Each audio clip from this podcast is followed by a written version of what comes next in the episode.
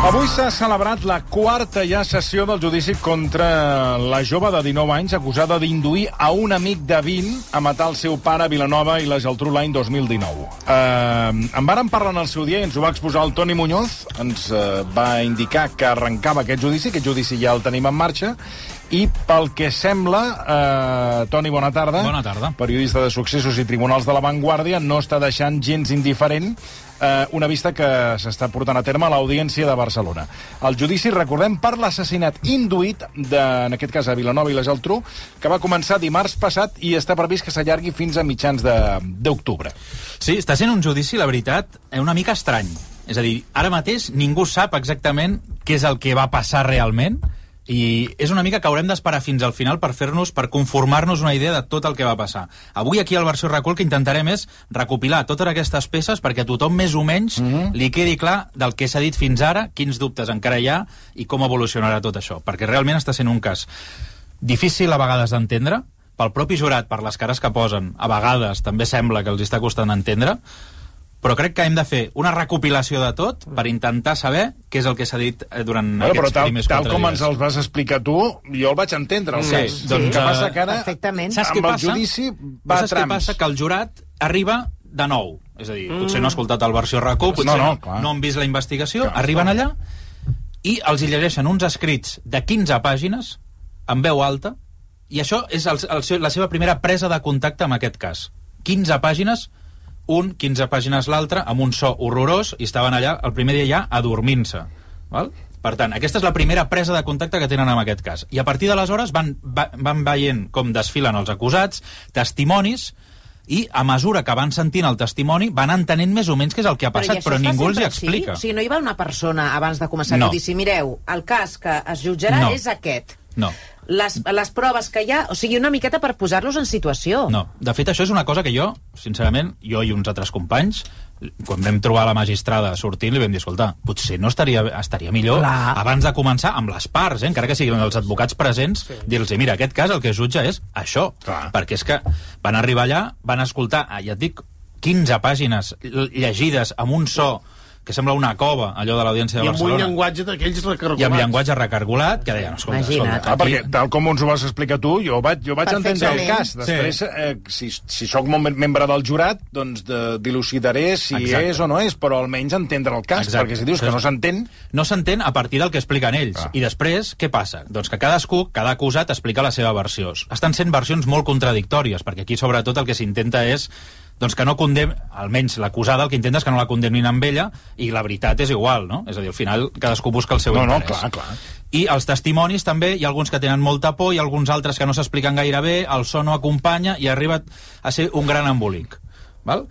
Posem una mica en situació molt ràpid. Sí. Aquí és, això és un, un crim que es comet el 8 de juny de l'any 2019. Un senyor doncs, de, de mitjana edat apareix assassinat a casa seva, detenen el seu fill i eh, bueno, li diagnostiquen que ha tingut un brot esquizofrènic i eh, ingressa en un psiquiàtric. Quatre mesos més tard, però, després d'investigar, els Mossos d'Esquadra determinen que aquell crim que comet aquest, eh, comès aquell noi esquizofrènic, el fill de la víctima, va ser induït per una amiga seva, perquè durant sis mesos anteriors va haver-hi una noia, que era això, que tenia 18 anys, que va manipular-lo mentalment fins a aconseguir un control absolut de la seva personalitat i fer que ell fos una mena de titella que actuava...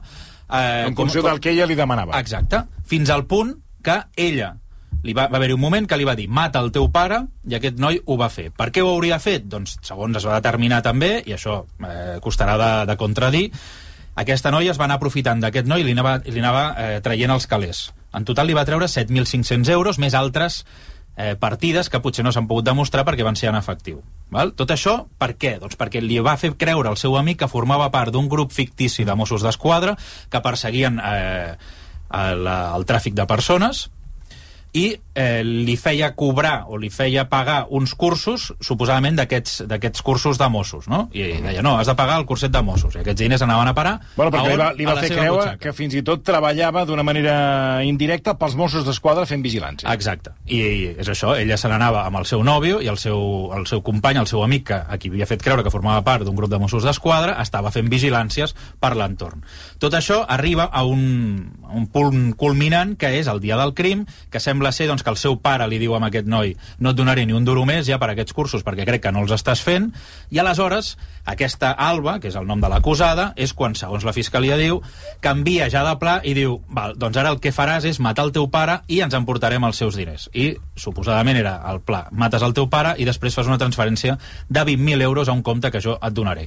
Això ho explica aquest noi, aquest noi que és esquizofrènic, que és l'Ismael, quan, diguéssim, se li passa el brot, perquè en un primer moment ell encara és, eh, no té consciència del que ha fet, però quan passa el temps ell explica tot això, que forma part d'un grup de Mossos, que la seva amiga li va dir que havia de matar-lo perquè el seu pare era un perill i també doncs, la condició era matar-lo i fer aquesta transferència de 40.000 euros. Això són els fets, això és el que es jutja. Això és el que ens vas explicar i que jo, eh, sí, sí, sí. repeteixo, va quedar el, quan ho vas explicar em va quedar claríssim, però vas dir, clar, ara comença el judici. Clar, clar si no fem aquest, aquest, primer, resum. aquest primer dibuix, aquest resum que ens acabes de fer, clar, no saps ben bé per on comença això. Clar. I sempre, clar, per explicar una cosa sembla que has de tirar una mica enrere i això al final sempre és una mica enrebaçat. Recordem, a l'Ismael li demanen la lliure absolució perquè consideren que li apliquen una eximent completa, que es diu, que vol dir doncs, que no era conscient del que feien al moment dels fets. Per tant, l'Ismael no serà condemnat malgrat ser l'autor confés i material dels fets. Això ja ho ha reconegut. Ara bé, a la seva amiga li demanen 34 anys de presó per un delicte d'assassinat per inducció, és a dir, haver manipulat el seu amic, haver-lo induït, haver, eh, això, induït a que, comet, a que cometés sí, sí, el crim. Després, eh, també inducció a l'incendi, perquè l'Ismael, mm. després de cometre el crim, va incendiar el seu propi pis per emmascarar les proves, per tant, també això li atribueixen presumptament a l'Alba, aquesta noia, i després un delicte d'estafa, que això no seria per inducció, sinó que el va cometre per haver com, eh, en fi, eh, cobrat aquestes partides eh, per part del seu amic mitjançant l'engany.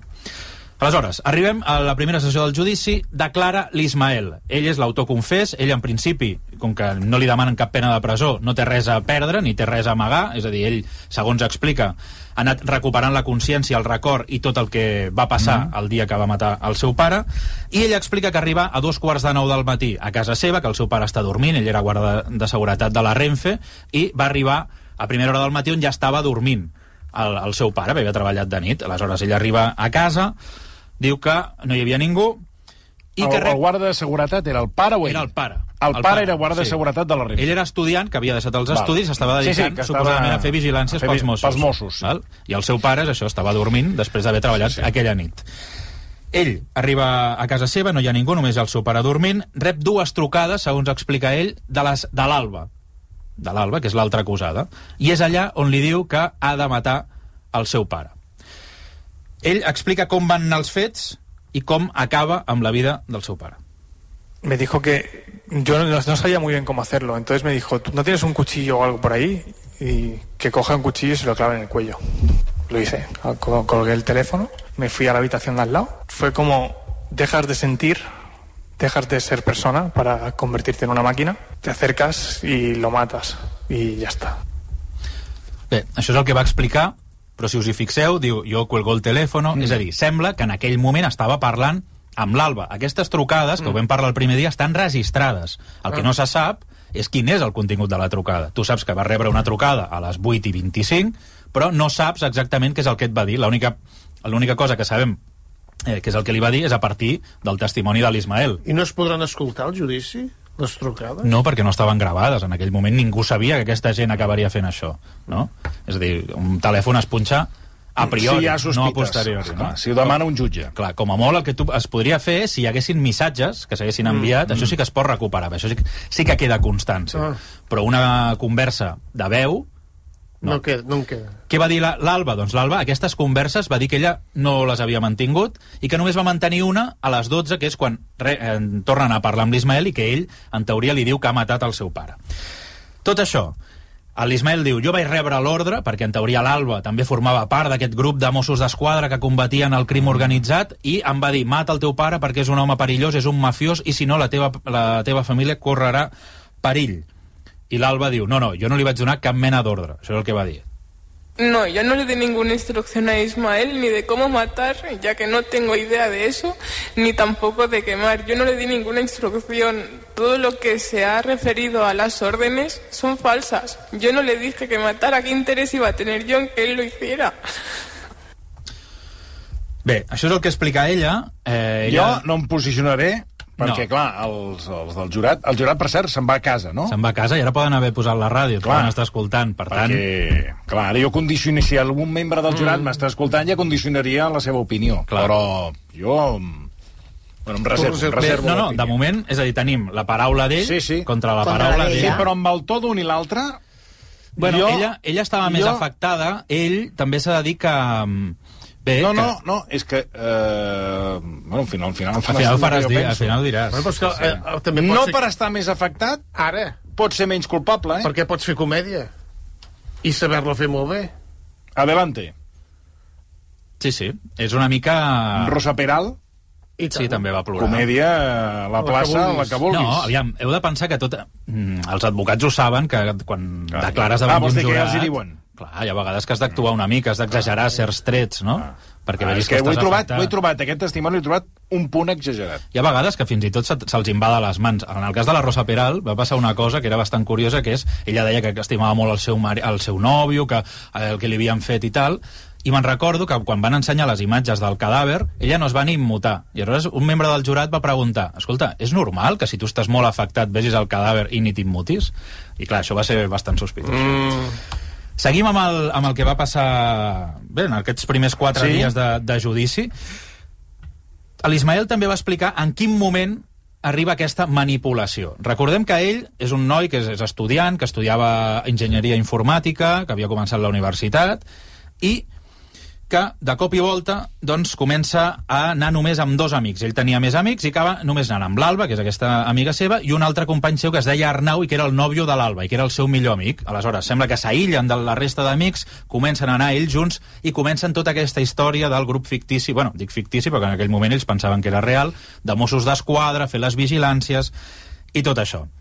I en aquest moment apareix també un altre personatge que és molt important, que és el nom de Júlia. La nòvia és una nòvia virtual. És a dir, ell diu que comença a tenir una relació amb una noia que no l'ha vist mai, però que comencen a xatejar, estan sis mesos sortint encara que no es veuen mai, fins i tot ella es pensa doncs, que acaba tenint fills amb ella. Eh, sí, tot això... Com? Però Sí, d'una això- manera virtual. Sí, vols, això vols que ho expliqui? És una mica... Home, és que, a veure, com, com pot... Sí, ho explico perquè, perquè veieu fins a quin Sí, punt... no, no, no s'acaba No- no d'entendre. acaba de quadrar, Fills no? virtuals com?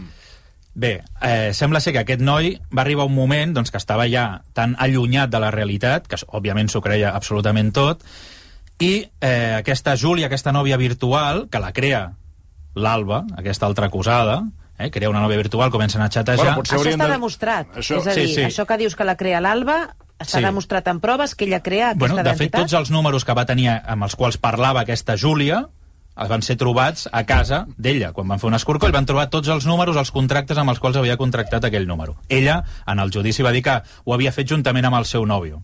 mm, amb el seu exnòvio, val? però tots els números el troben a casa seva. Val?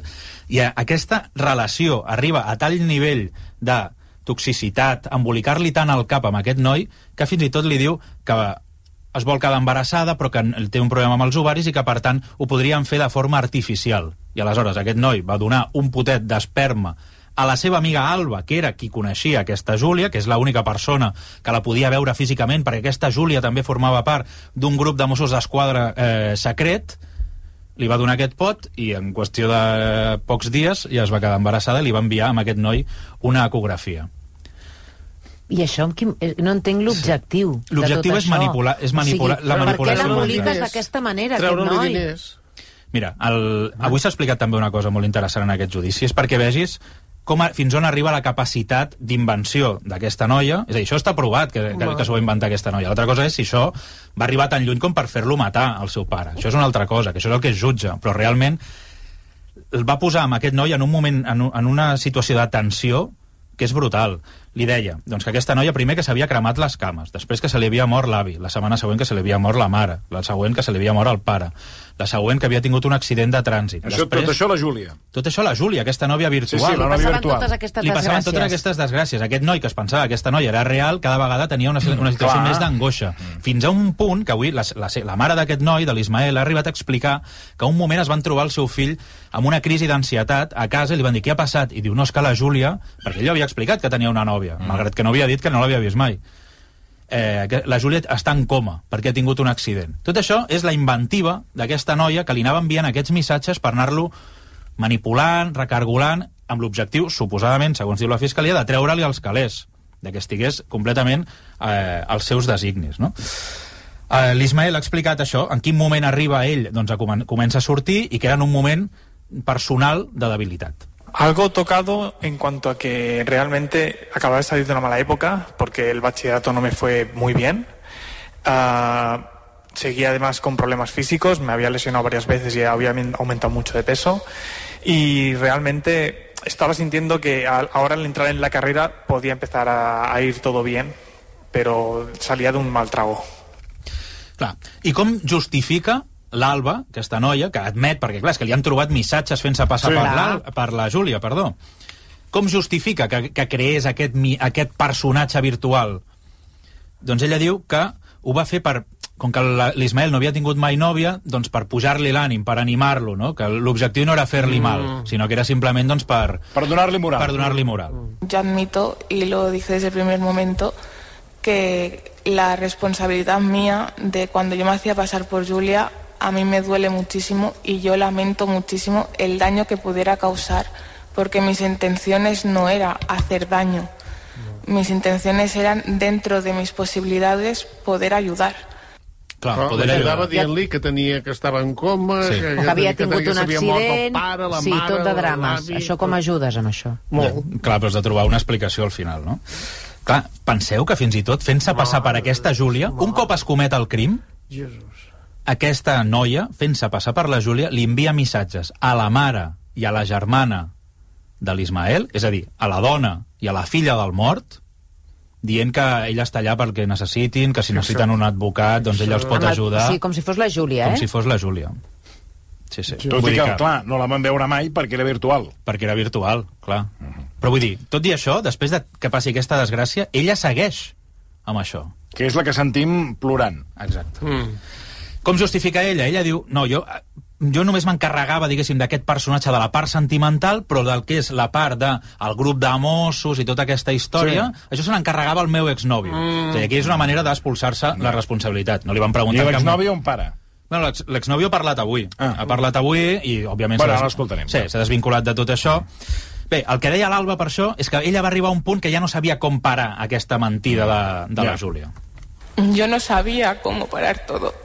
Para mí todo era grande y ya no sabía qué creer ni qué pensar. Tenía miedo, como le he dicho antes, estaba viviendo una situación... Pero ahora tiene usted miedo. Sí, yo me encuentro a Arnaud por la calle y sigo teniéndole miedo. Estoy con Adam por la calle y constantemente estoy mirando a mi alrededor. Y esa página no la he podido pasar.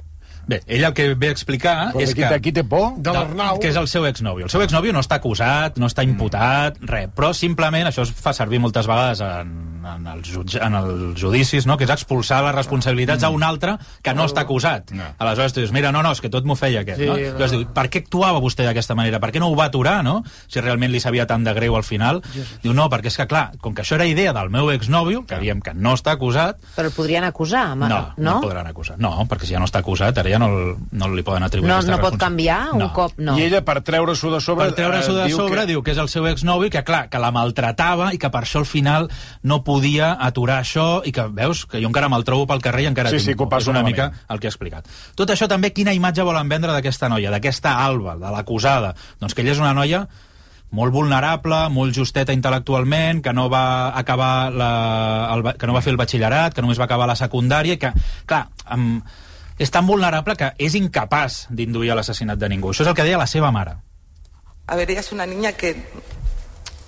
Y que, bueno, eso le va a seguir pasando. Le va a, le va a costar tener un trabajo estable porque no da. O sea, básicamente. No es porque sea una niña que sea perra, sino que simplemente no da. I clar, i que és una noia doncs, que li falta això, la Això diu ironia... la seva mare, això diu eh? la seva mare. Clar, és a dir, és demostrar que ella és incapaç de mm, urdir una mena de pla criminal tan recargolat com aquest. Tinc una filla justeta, eh? Es una niña que no entiende una ironía. Es una niña que tú estás contando una película exagerándola y ella está... Sí, sí, es que se lo cree. O sea, si algo le ha pasado siempre es que todo el mundo la ha engañado. Eso de pe a pa y podéis mirar para atrás, podéis buscar amigos de infancia, de, o sea, es que me da igual y lo corroborarán. O sea, es una niña que siempre ha sido muy fácil de engañar. No, no s'ho han estudiat gens, això, eh? Ara jo, d'una mare que a la filla li digui que no és una niña perra... Clar, però tu has de pensar una cosa, Però jo ara eh? pensava una cosa, eh? Ella diu, és una niña que no entiende la ironia. Mm. Que no sigui, perdoneu, del síndrome de l'espectre autista aquesta nena, que no en tinc ni idea si l'han fet les Quan- proves, eh? Tu quan l'has sentit enraonar... Poden parlar perfectament, eh? Les persones a dintre de la síndrome i no entenen la ironia i es creuen tot... O sigui, simplement és que jo Però conec què té, a, a que, gent... però, però què té no, que veure això amb l'assassinat? Que és una nena que potser això que explica la seva mare Bueno, no, però no no significa treu que tingui poca intel·ligència. No, però és una persona que igual l'han manipulat. No ho sé.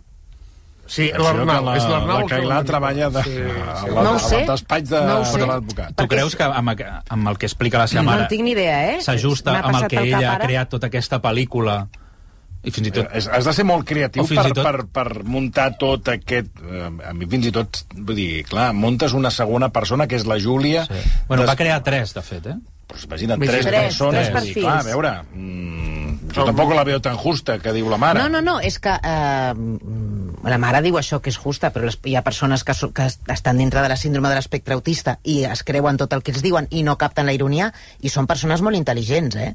No són justes. No ho sé. Precisament. En, igualment han presentat, Justament són molt... O sigui, poden ser molt intel·ligents. Precisament. han presentat l'informe psicològic i no diu això, eh? No, eh? No. Val. Aleshores... Ara, si vols incorporar Jo el ja- despatx No, no, d'advocats... M'ha vingut al cap, mira, Sí, no, perdoneu, no, eh? no, Perdoneu, no, perquè... Bufet Cailà, a su servicio. El que sí que és veritat... al costat dels, dels desemparats. Clar, que sí Si que és li han veritat que al final la, se, la, la seva mare el que intenta és ajudar-la amb ella. Esclar, és a dir, clar, li demanen 34 anys de presó. Imagina't. I aleshores, si tu demostres que la teva filla era incapaç d'idear tot aquest, Ja. tota aquesta història, doncs tens això guanyat, no? Per això declara. Com també declara les, una amiga seva que també va venir a dir el mateix, que ella no era una persona manipuladora, sinó molt manipulable. No? Cuando era pequeña, pues como todo buen niño muy pequeño, tiene imaginación para jugar y ya está. Después ya de mayor, pues eh, sí que cuando empezó con la adolescencia, con tema de relaciones con chicos y tal, sí que nos había dicho tanto a su madre como a mí alguna mentira que caía al día siguiente porque nunca ha sido capaz de, de- de mantener una mentira, digamos. Manipulable, sí, manipuladora no. Aquí hi ha una cosa que és molt interessant i s'està veient molt en el judici. A ulls de, de tothom, quan està escoltant això, no? aquesta, aquesta història que estem explicant, moltes vegades pots pensar, home, però com pot ser que algú s'ho cregui, això, no? I és veritat que ella el que feia és envoltar-se de gent que s'ho podia creure. Gent vulnerable, gent amb problemes Clar. psicològics i que potser estaven més oberts a creure's aquestes mentides que no pas algú que no tenia aquests problemes, no?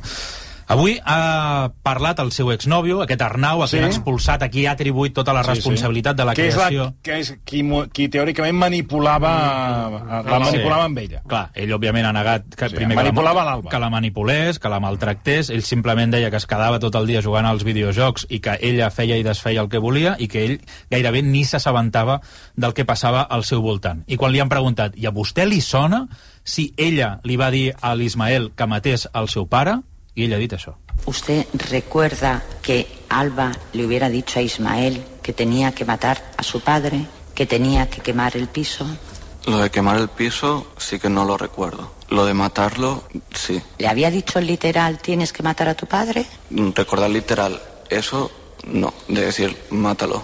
O sea, lo que yo recuerdo era eso, de, de alejarlo de cualquier forma posible. Clar, aquest és un noi que estava molt espantat avui, després de saber que a sobre li atribuïen una responsabilitat que ell a priori no té, i ha donat unes explicacions molt molt estranyes, no? Ell al final també participava, suposadament, d'aquest grup de Mossos, o almenys ho sabia, no? És allò que explicava, mentre ell se'n De les anava amb la seva nòvia, l'altre sí, feia les sí, vigilàncies, no? Doncs ell ha fet veure que no ho sabia, però després ha explicat que potser sí que ho sabia, que estaven en un grup de, de Telegram on l'Ismael, que és el noi, doncs anava enviant matrícules, clar, de suposats sospitosos. Fixa't. En fi, en aquest judici han anat sortint tot de coses d'aquestes. Un altre element molt important només perquè veieu quina és l'evolució de l'Ismael, en què cada vegada es va allunyant més de la realitat. Ell va dir, si el primer dia que vaig fer vigilàncies jo veia 10 cotxes sospitosos i apuntava 10 matrícules, diu, l'últim dia en veia 200. 200 matrícules sospitoses. Per tant, veieu com va acabar doncs, en aquesta evolució, suposadament, de manipulació mental. Hi ha un altre element clau que també va sortir la setmana passada i que al final és el que resumeix tot.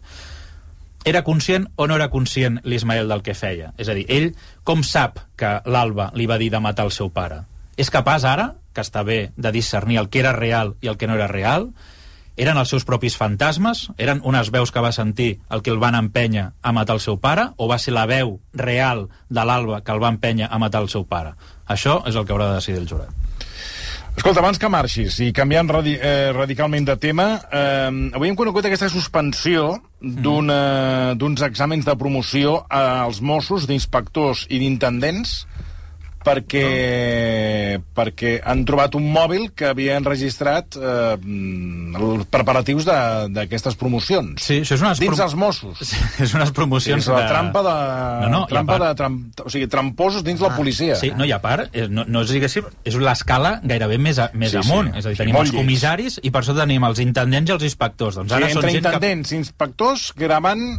Què gravaven? Mm, Bé, doncs eh, s'ha descobert un mòbil dins de la Junta Avaluadora. És a dir, la gent que, que ha d'avaluar aquest procediment i que potser s'estaven reunint per preparar les preguntes i els exàmens, van detectar Que hi havia un que hi havia un telèfon mòbil gravant. Això ho han posat en marxa, bueno, ho han posat en mans de la divisió de- d'afers interns, que ara també ho han judicialitzat i han obert una investigació. Però clar, és molt greu que aparegui un telèfon mòbil gravant Molt. amb una junta avaluadora que ha de preparar els exàmens per poder ser intendent o inspector. El que ha fet el Departament d'Interior després de conèixer això és suspendre aquesta convocatòria. Però clar, hi havia moltes expectatives de molta gent doncs, que vol ser ja cap, perquè els intendents i els inspectors són gent amb, molt, amb un grau de responsabilitat molt alt, però clar, qui pot tenir interès? Això ho ha posat algun mosso d'esquadra, algun aspirant, algun cap, alguna persona? Realment és jo, inquietant, jo, això. jo només eh, eh, et faré una reflexió i... Ai, ai. i no, no, eh, ai, no per dir, una reflexió, que, una reflexió no, un, un, sí, una reflexió que faig al Toni Muñoz, que és la següent. Què, què passa amb el cos dels Mossos? Perquè mira que hi ha cossos policials a Espanya. O sigui, tenim la Policia Nacional, tenim la Guàrdia Civil, tenim policies locals que de tant en tant també surt eh, merda. Uh, després uh, tenim la policia del, del, la, la, la policia del port de, Ui. de les uh, drassanes mm. bueno, de la, de, del Sí, que és vigilància la- duanera. vigilància duanera tenim uh, què més tenim? tenim l'Etsanza tenim, uh, és a dir, tenim un munt i sempre sempre tenim merder als Mossos jo no sé si és perquè... És que no ho entenc. Sempre el conflicte és els Mossos. Ara també, també tenim un altre conflicte, que el cap dels Mossos eh, ha demanat la substitució del seu segon perquè li fa el llit i tal. Hosti, és que, és, que, és, que, és que dius, mira que hi ha cossos policials i sempre el sidral és els Mossos. Sí, no sé, potser aquí el nivell d'exigència no, també és molt més alt i potser també surten aquestes Jo no coses, sé què passa, però escolta, els altres que la cossos... Policia Nacional i la Guàrdia Civil No, no sí, passa? però no ta- surt. També protagonitzen, Ah, ah. eh?